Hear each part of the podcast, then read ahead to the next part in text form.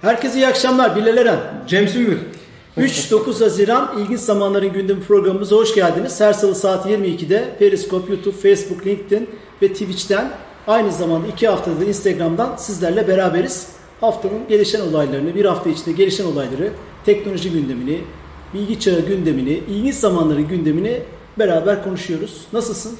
Çok teşekkür ederiz. Bugün artık normalleşmenin bir, birkaç adım sonrasına da geldik. Maske de artık buralarda böyle yok ama dışarıda var tabii.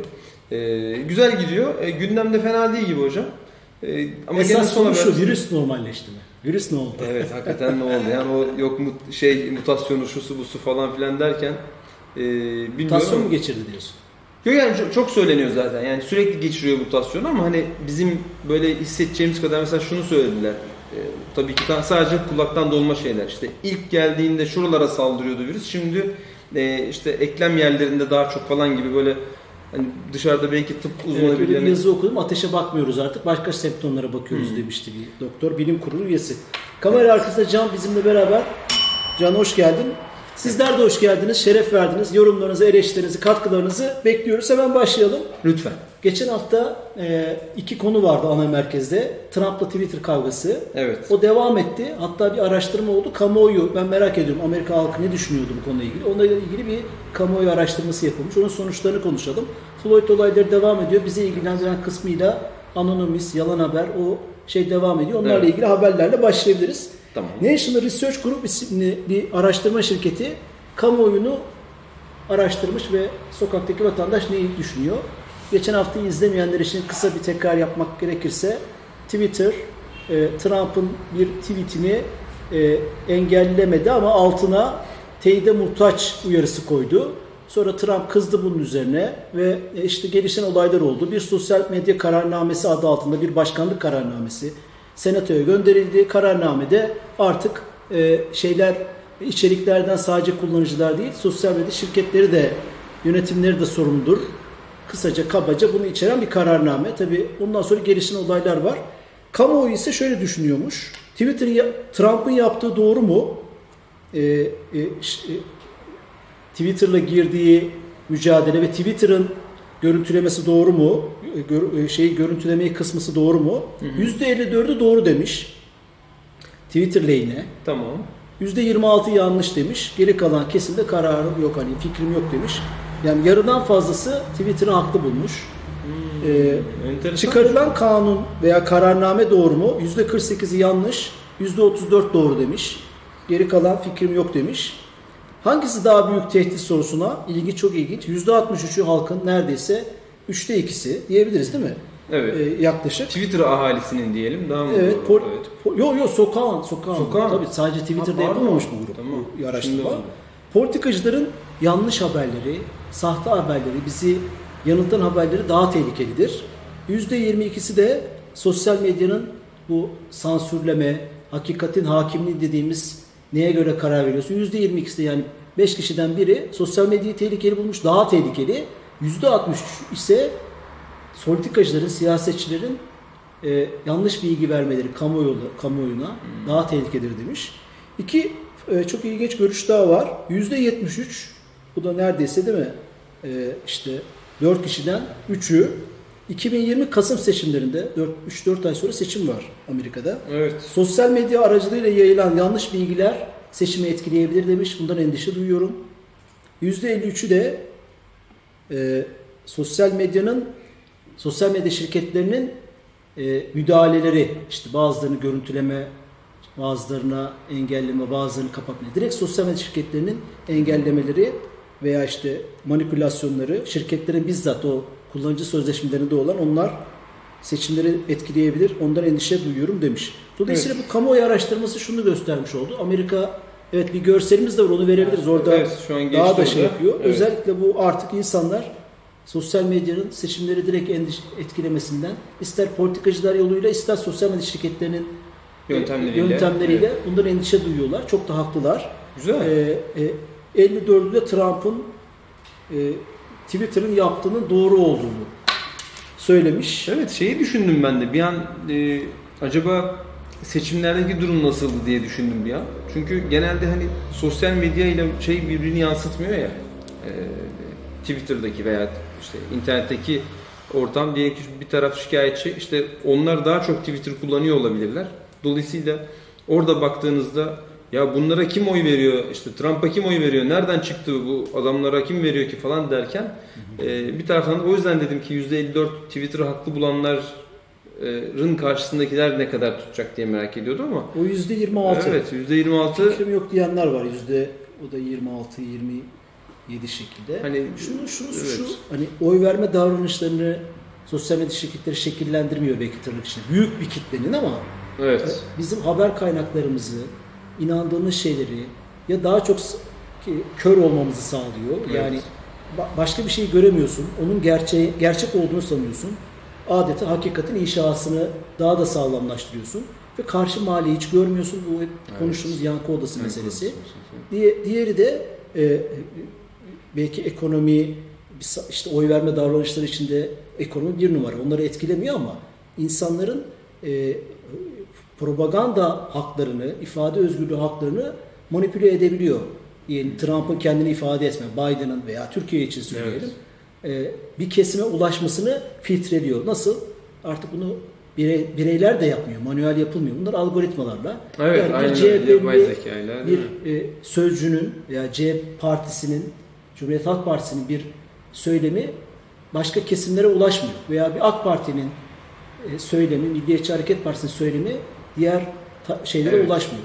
Partiler bunu e, kendi taraftarlarına propaganda yapıyor. Tabii. Bunun bir şeyi var. Daha saftarsıklaşıyor.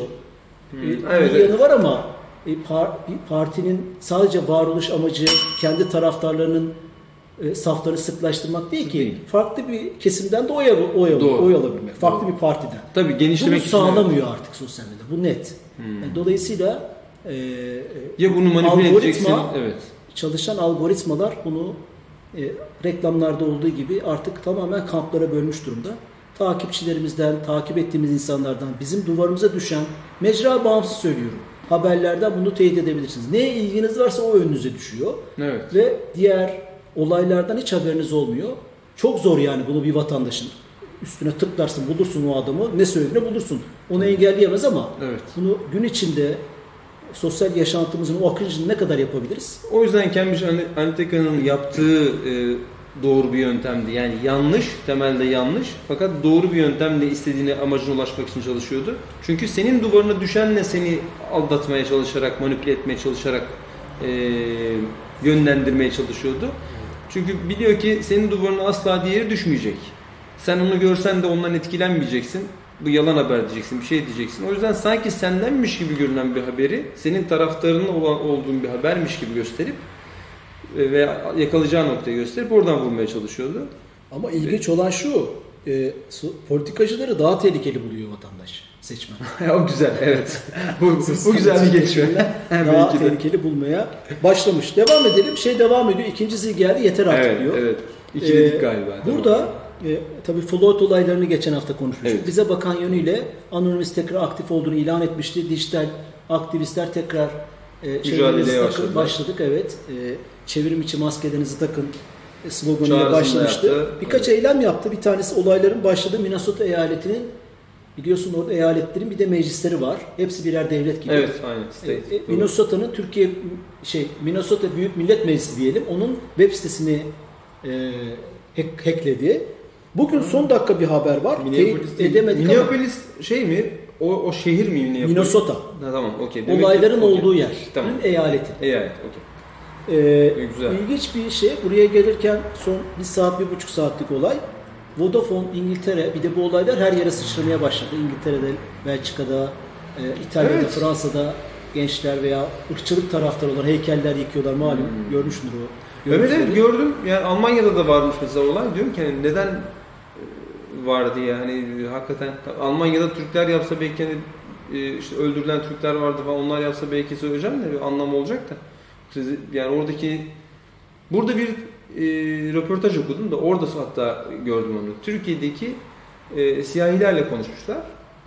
E, Afrikalılarla işte ne bileyim farklı ülkelerden e, Tamam.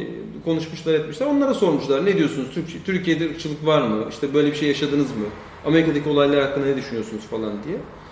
Buraya da sıçrar mı? İşte sıçrayan ülkeler hakkında ne düşünüyorsunuz diye. Bir tanesi şey demiş yani Almanya'da olmasını yani çok saçma buluyorum. Yani orada bir şey yok ki yani niçin Almanya'da tutup bir şeyleri yıkıp yıkıp yakıp yıkıp da bir şey elde etmeye çalışacaksın. Anlamıyorum falan. Türkiye'de yaşamlarına da çok küçük yani çoğu için anladığım kadar en azından röportaj yapılanlar ırkçılık yaşamadıklarını e, hatta şöyle yaşamadıklarını, Suriyelilere daha kötü davranıldığını, kendilerine daha iyi davranıldığını söylemiş. Mesela enteresan. Aslında ırkçılık oluyor böylece ama. Irkçılık sadece Değil, siyahilere evet, yapılan evet. bir şey Tabii. sence? Almanya'da var. Türkiye'de tabii. de bence var ırkçılık. Evet böyle Başka düşüncemiz var. Aynen öyle. Enteresan. Biz e, Irkçılık var. ilginç bir şekilde hakikaten e, tabii ama şundan belki de oluyor. Yani bu Suriyeli denince mesela bir anda her şey değişiyor. Yani e, Suriyeli denince birden o onlar mülteci değil veya onlar yani onlar sanki buraya gelmiş istila etmiş gibi bakılıyor onlara. O yüzden Suriyeli ile Bu ilgili kadar ırkçılık böyle bir oluyor. genelleme yapamayız belki. Tabii de bu kadar değil. Şu an Allah'tan zaten çok yavaşladı. Bir, bir dönem haberini de yapmıştık hatta. Yani e, konumuz da gelmişti. E, şimdi öyle değil. E, şükür normalleşti diyebiliriz. Bir normalleşme var kesinlikle. E, artık bilemiyorum.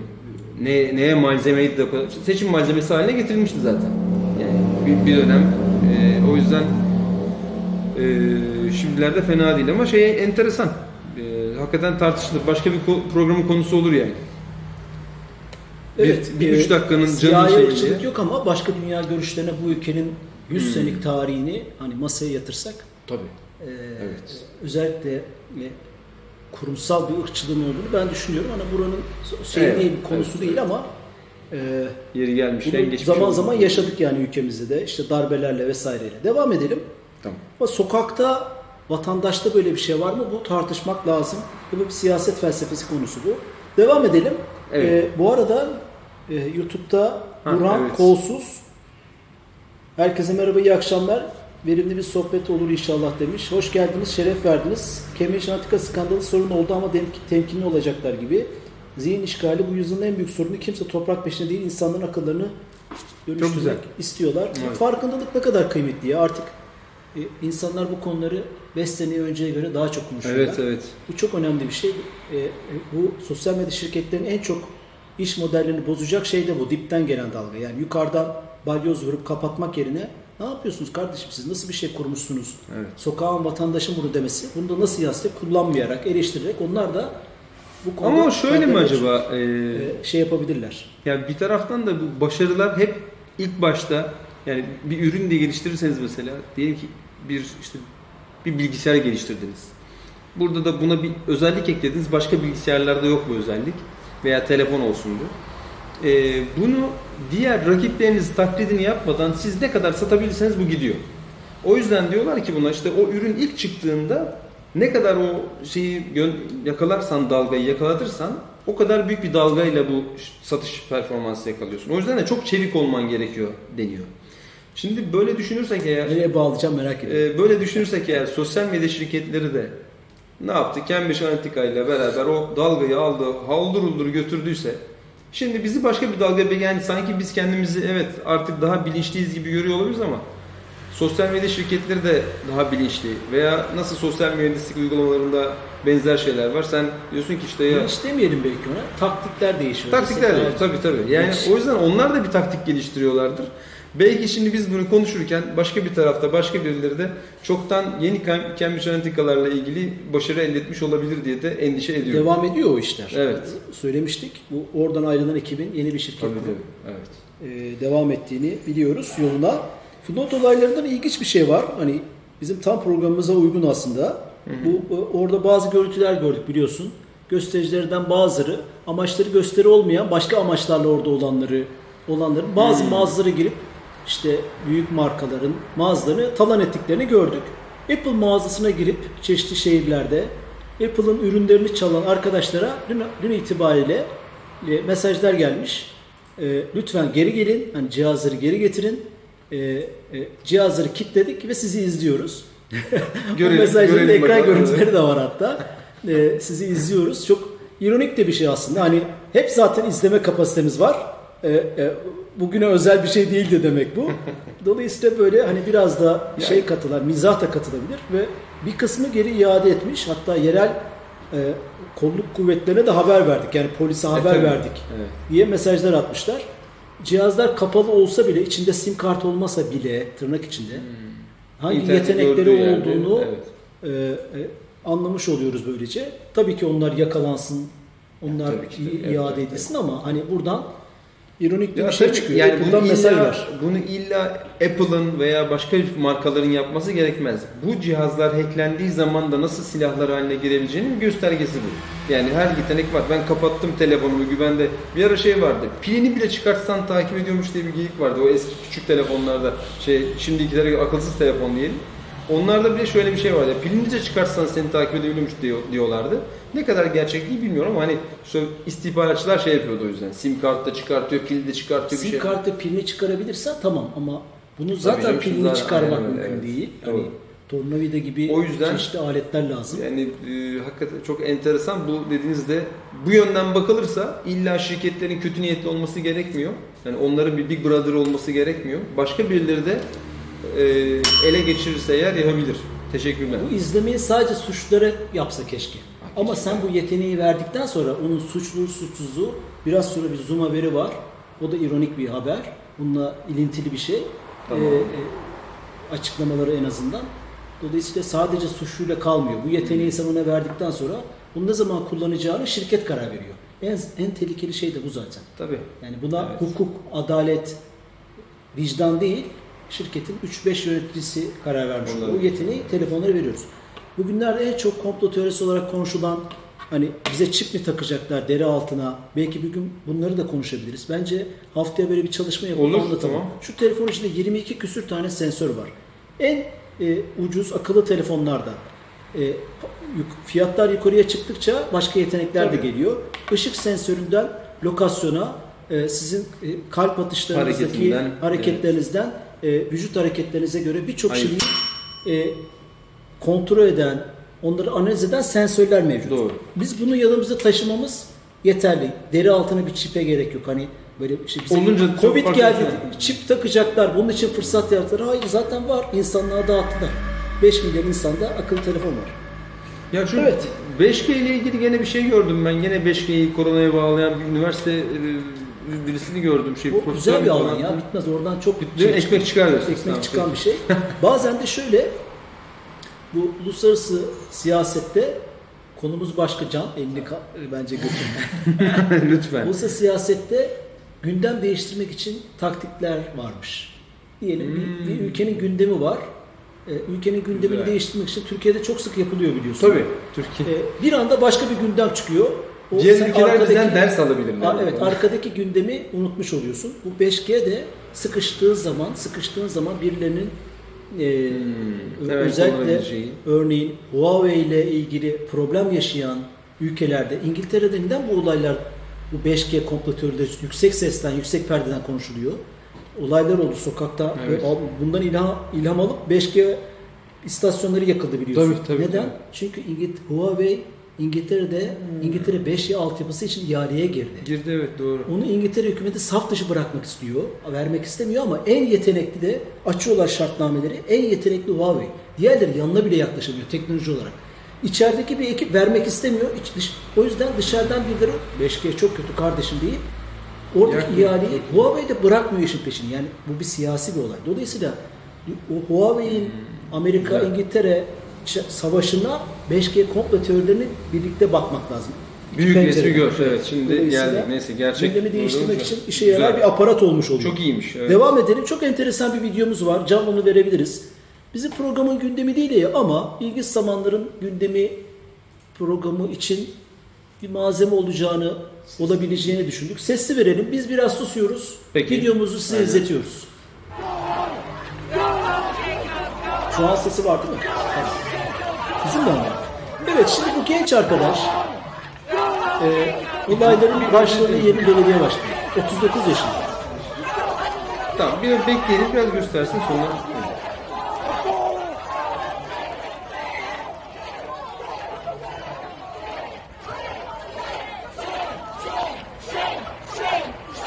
Evet. e, video devam etsin. Başa alıp biz konuşalım. Bu genç arkadaş insanların go home Jacob dedikleri utan utan diye bağırdıkları, göstericiler arasından böyle mazlum bir ifadeyle e, aralarından süzülüp giden adam olayların başladığı yerin belediye başkanı.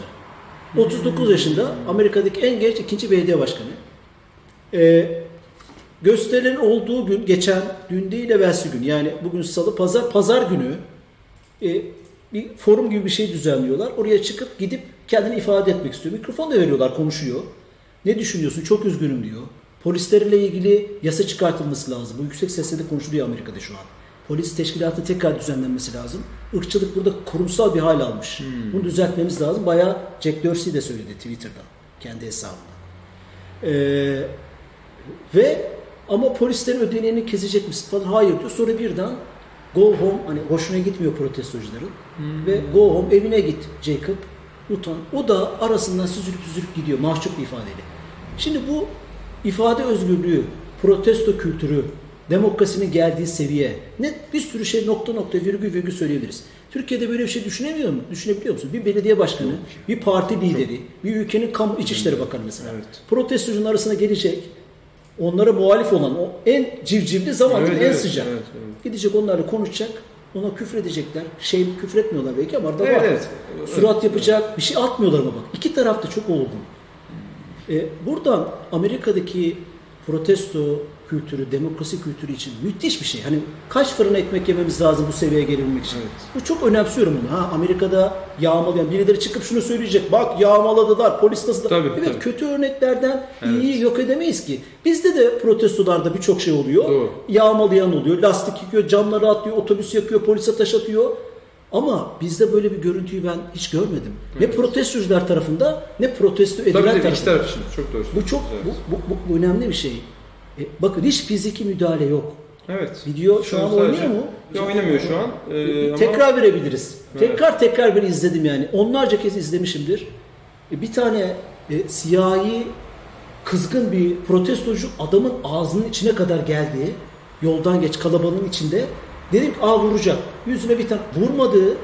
O da bir Yanına- baktı şöyle bir, ve yanından geçti. Yani asla fiziki müdahale yok. Bak bu bu çok önemli şey. Bu kültürü edinip birbirimize fiziki müdahale yapmamamız lazım. Evet, evet. Tamam. Protesto olabilir. Ee, bu da ayrı bir kültür. Tabii. Bak Onu görüyor musun bak evet, siyahi bayağı şiddetli kol hareketleri yapıyor ama dokunmuyor. Bizde hemen bir dokunma temas olur. Sonra zaten Tabii, iki taraf birbirine evet, girer. Evet. Hiç korumasız geliyor. O çok Polis enteresan. yok bilmem ne yok. Evet. Kendi özgür iradesiyle bu müthiş Çünkü bir şey. yani orada bizdekinin aksine belediye başkanları e, o şehirde şehirde polislerden de sorumlu. E, yani bizdeki gibi değil. Yani bir nevi vali gibiler galiba bir taraftan da. Polislerle çok birebir bir şeyleri var, e, iletişim, iletişimleri var diye biliyorum. Bizde belediye başkanlarıyla şey ayrı. Yani polisler ayrı, polis teşkilatı başka, belediye başka. Onlar da maaşların da o yüzden hatta yani belediyeden aldığını biliyorum.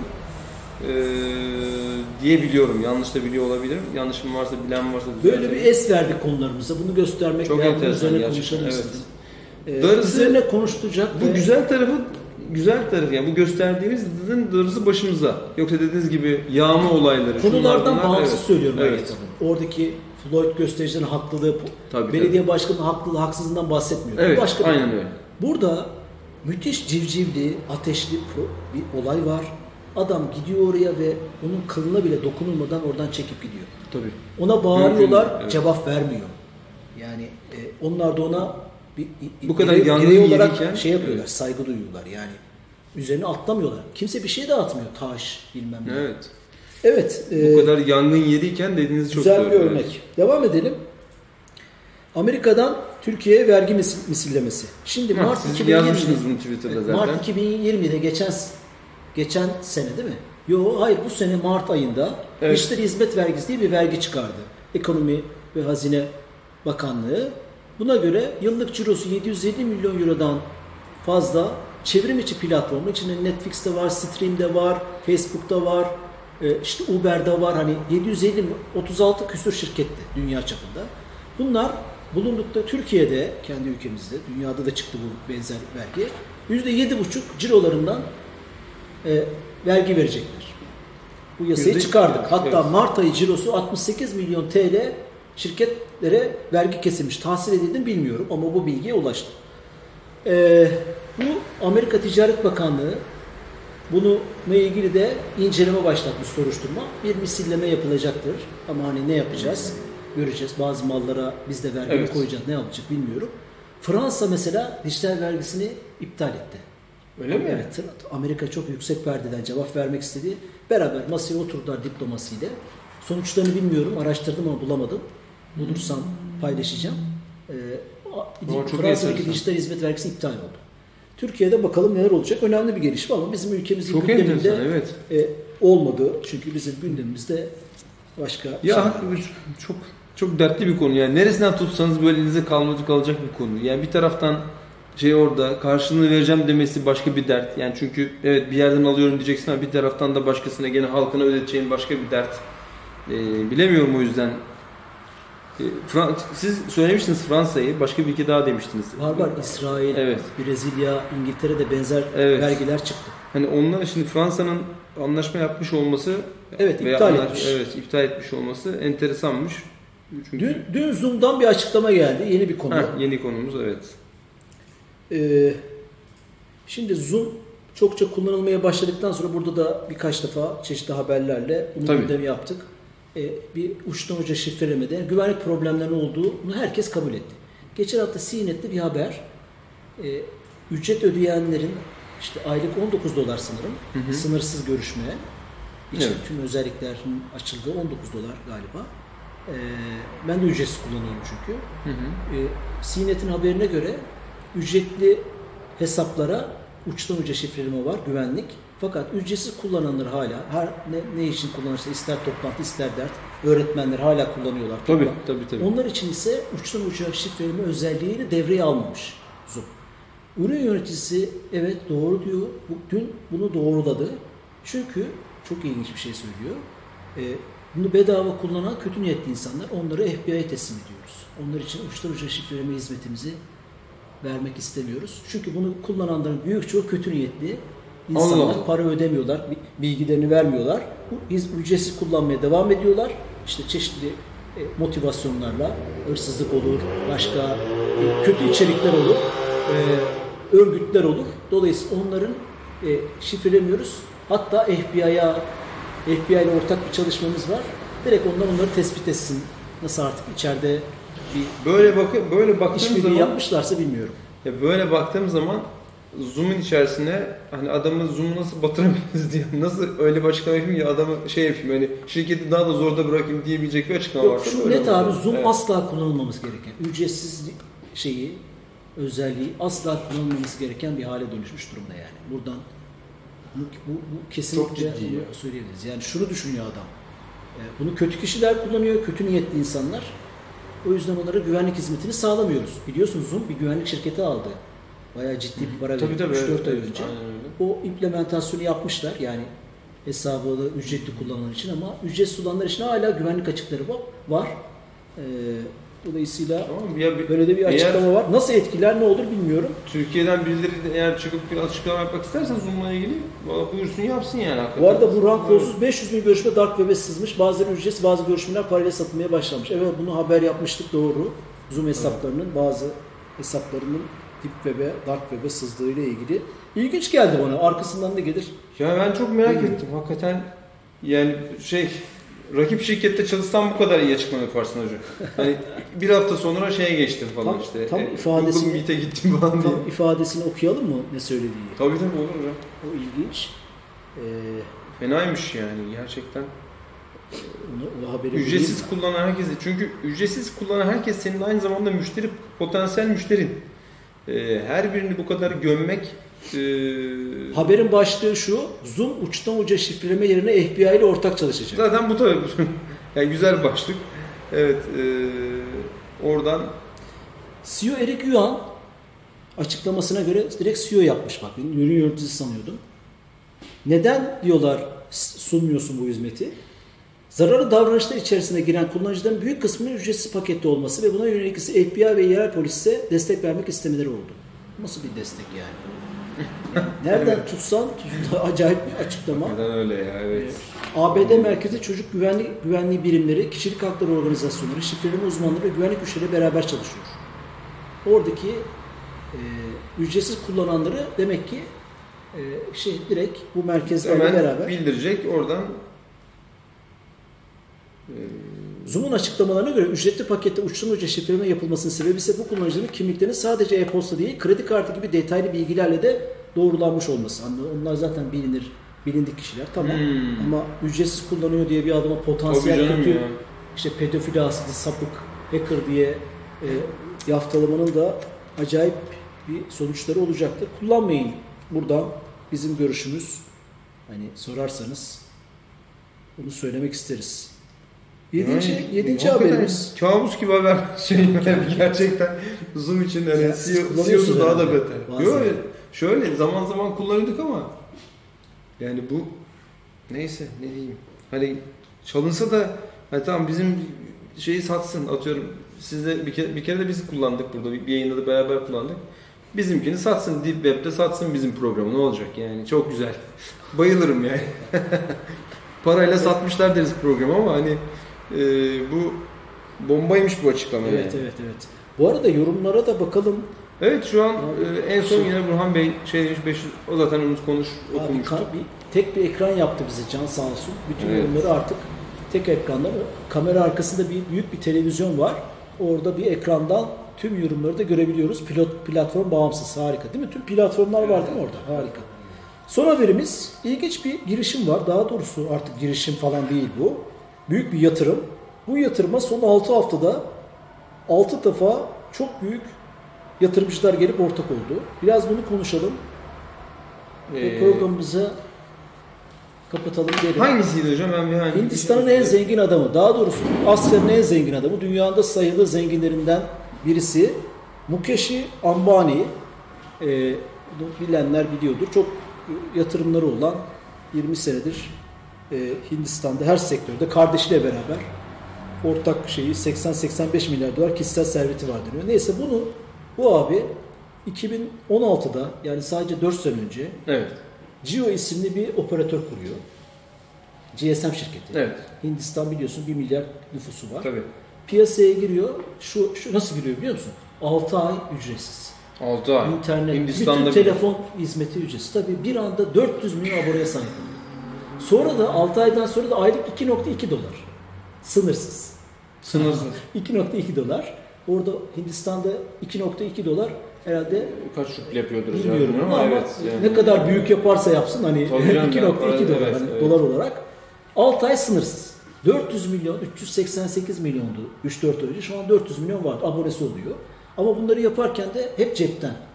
Dediklerine göre 18 milyar dolar para harcıyor. Fakat en büyük operatör oluyor. Sadece operatör olmakla kalmıyor. Çeşitli hizmetler de veriyor. Bir internet sitesi kuruyor, alışveriş sitesi. İngiliz, Çin'deki WeChat gibi mesajlaşma uygulaması, bir tane sanal kredi kartı hizmeti. Onun üstüne de hani çevresine de Tabii. GSM şirketinin bizim Turkcell'in işte Türk Telekom'un Evet. yaptığı gibi çeşitli hizmetleri de doğruyor, Döşüyor. döşüyor. Hepsini de satmaya başlıyor, vermeye başlıyor. Gene ücretsiz. Ama bu arada müthiş bir para harcıyor. Fakat artık paraları toplama zamanı geliyor ve diyor ki ben yatırımcı alacağım. 3 hafta önce veya 4 hafta önce Facebook buraya 5.7 milyar dolara Zuckerberg %9.9 hissesini alarak ortak oluyor. Son 6 haftada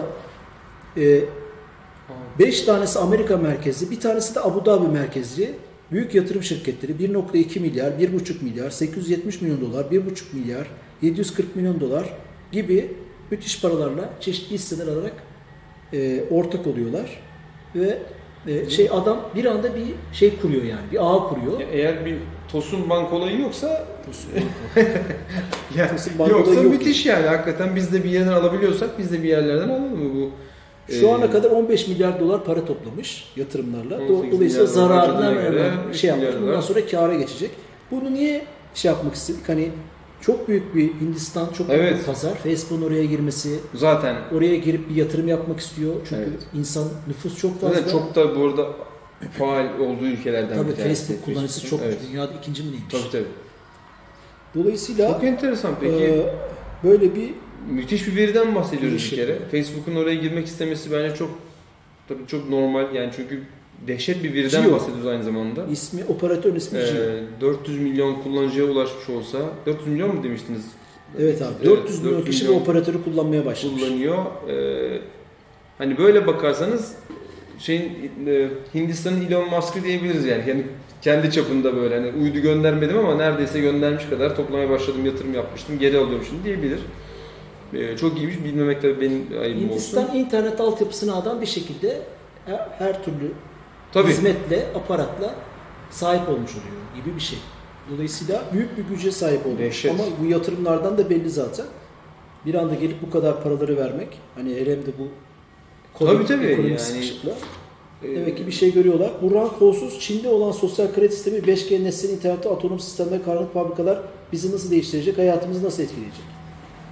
Evet, bu tabii ba- başlı başına konudan bahsediyoruz e, burada. Burhan Bey'in sorusu bizim anlattıklarımızın dışında başlı başına bir soru aslında. Evet. E, bilmiyorum cevap vermek isterseniz şimdiden hani şimdi girin ama ya da isterseniz. Buyurun Ebu Bekir Bastama iyi yayınlar demiş. Buyurun. O yayınlar Ebu Bekir uzun zamandır şey yapmıyordu ya böyle hiç bizi... Evet geç kalıyor artık. Hayırdır? İşi vardır ya. İşi vardı değil mi? Ulaşamıyoruz. Bizi- bizi Ebu Bekir Bey. yani? Evet doğru.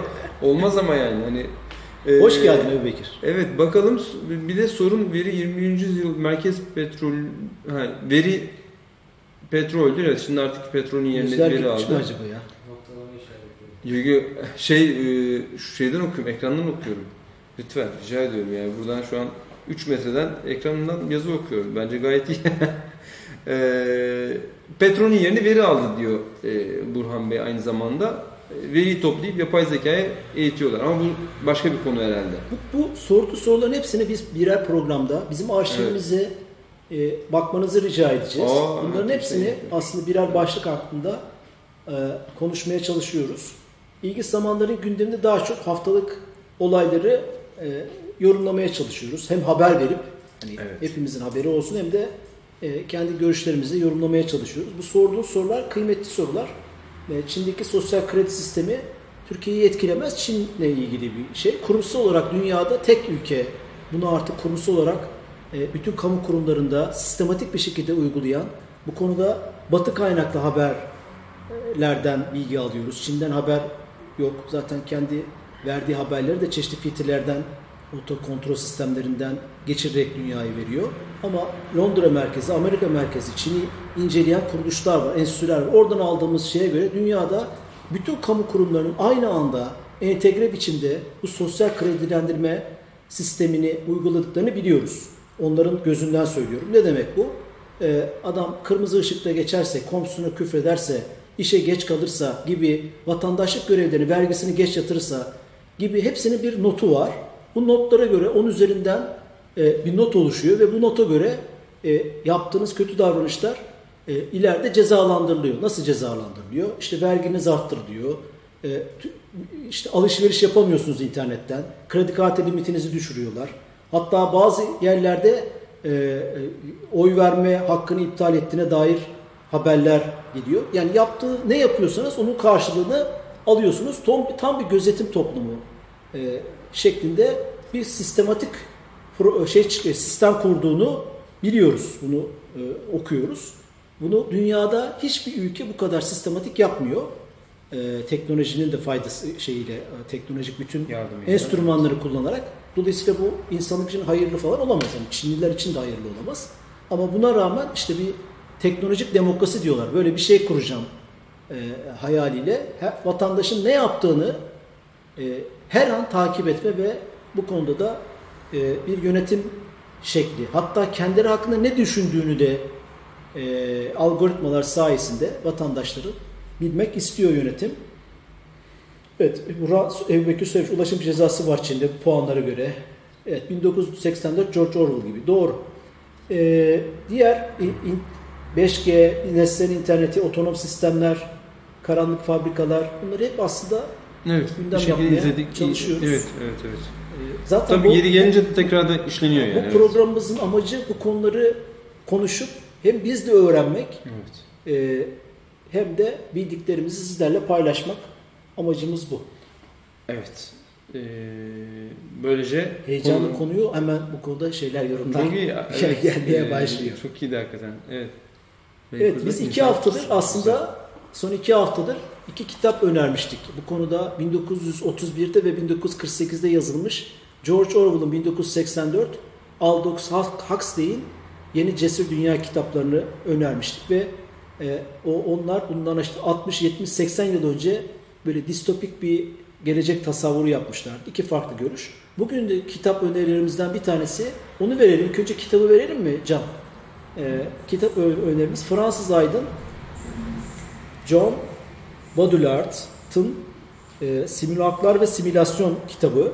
O kitapta da e, herkese tavsiye ediyoruz bu kitabı. Bu da farklı bir bakış açısı. Ne Huxley'e ne Orwell'a nazaran farklı bir bakış açısı sunuyor. Disneyland metaforu üzerinden e, her şeyin simülasyon olduğunu, yaşadığımız hayatın tamamen simülasyon olduğunu çok kabaca söylüyorum. e, e, söylüyor. Hatta hatta bu Matrix'i yapan ne kardeşlerdi onlar? Ee, Wachowski? Wachowski. Polonyalı. Wachowski tam kardeşler. doğru telaffuz Evet, ediyor evet. bilmiyorum. Onların da e, bu Fransız aydından ve bu kitaptan etkilendiği biliniyor. Herkese tavsiye ederiz. Kitap önerimizi de böylece vermiş olduk. Belgesel önerimiz de gene e, 11 Eylül'den sonra e, Amerika National Security NSA dediğimiz örgütün paradigması nasıl değiştiğini bizzat kendi hayatını ortaya koyarak gösteren Edward Snowden'ın belgeselini size öneriyoruz. Citizen 4. O belgeseli herkese herkesin izlemesini tavsiye ediyorum. Ben ge- listeye gerçek görüntülerle. Çünkü bu işi yaparken aynı zamanda kameraya da çekmiş. Öyle mi? Bir, bir süre sonra bu kanıtlar olsun Olacak diye. diye. Tabii Hong Kong'a gidişi, Hong Kong'da bunu parti parti işte sızdırdığı belgeleri vermesi. Şu an Rusya'da biliyorsun. Evet. Dolayısıyla Citizen 4. Peki evet ben de listeye ekledim. herkese tavsiye ederiz. 2015'in en iyi belgesel Oscar ödülünü de almıştı. Ha, güzel. Oscar Oscar jürisi bizim ülkemizin e, sırlarını verdi. Var ha, vay hain demiyor, ödülü veriyor. Yani bu da önemli bir bizim için e, ipucu diye düşünüyorum. O zaman yavaş yavaş kapatalım.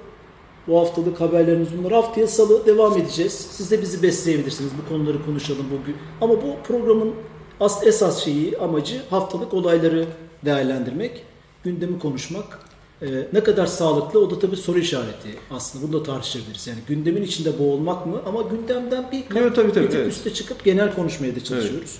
Bizi Böyle Twitter'dan da takip var. edebilirsiniz. Dijital Hayat e, olarak Twitter'da takip edebilirsiniz. Eren Bilal olarak e, Bilal Bey'i. Yok Dijital Hayat TV bizim. Dijital Hayat zaten Dijital Takip Hayat TV bizim. Evet. Aynı şey. oradan hepsini takip edebilirsiniz. Mutlaka hafta içinde de bize oradan da yorumlarınızı iletebilirsiniz. Yani şu konularda işleseniz olur mu diye veya oldu ya Twitter'da gördüğünüz bir şey var. Biz de mentionlayın hemen bir bakalım oraya. Ee, gene tabii ki YouTube'da da e, abone olup zili çaldırmayı da unutmazsanız eğer onun için de sevinebiliriz. Yorumlarınıza e, teşekkür ederiz bu anlamda. Hafta Ağzına içinde çünkü devam ediyor. Can Teşekkürler. teşekkür ediyoruz. İyi akşamlar. İyi akşamlar.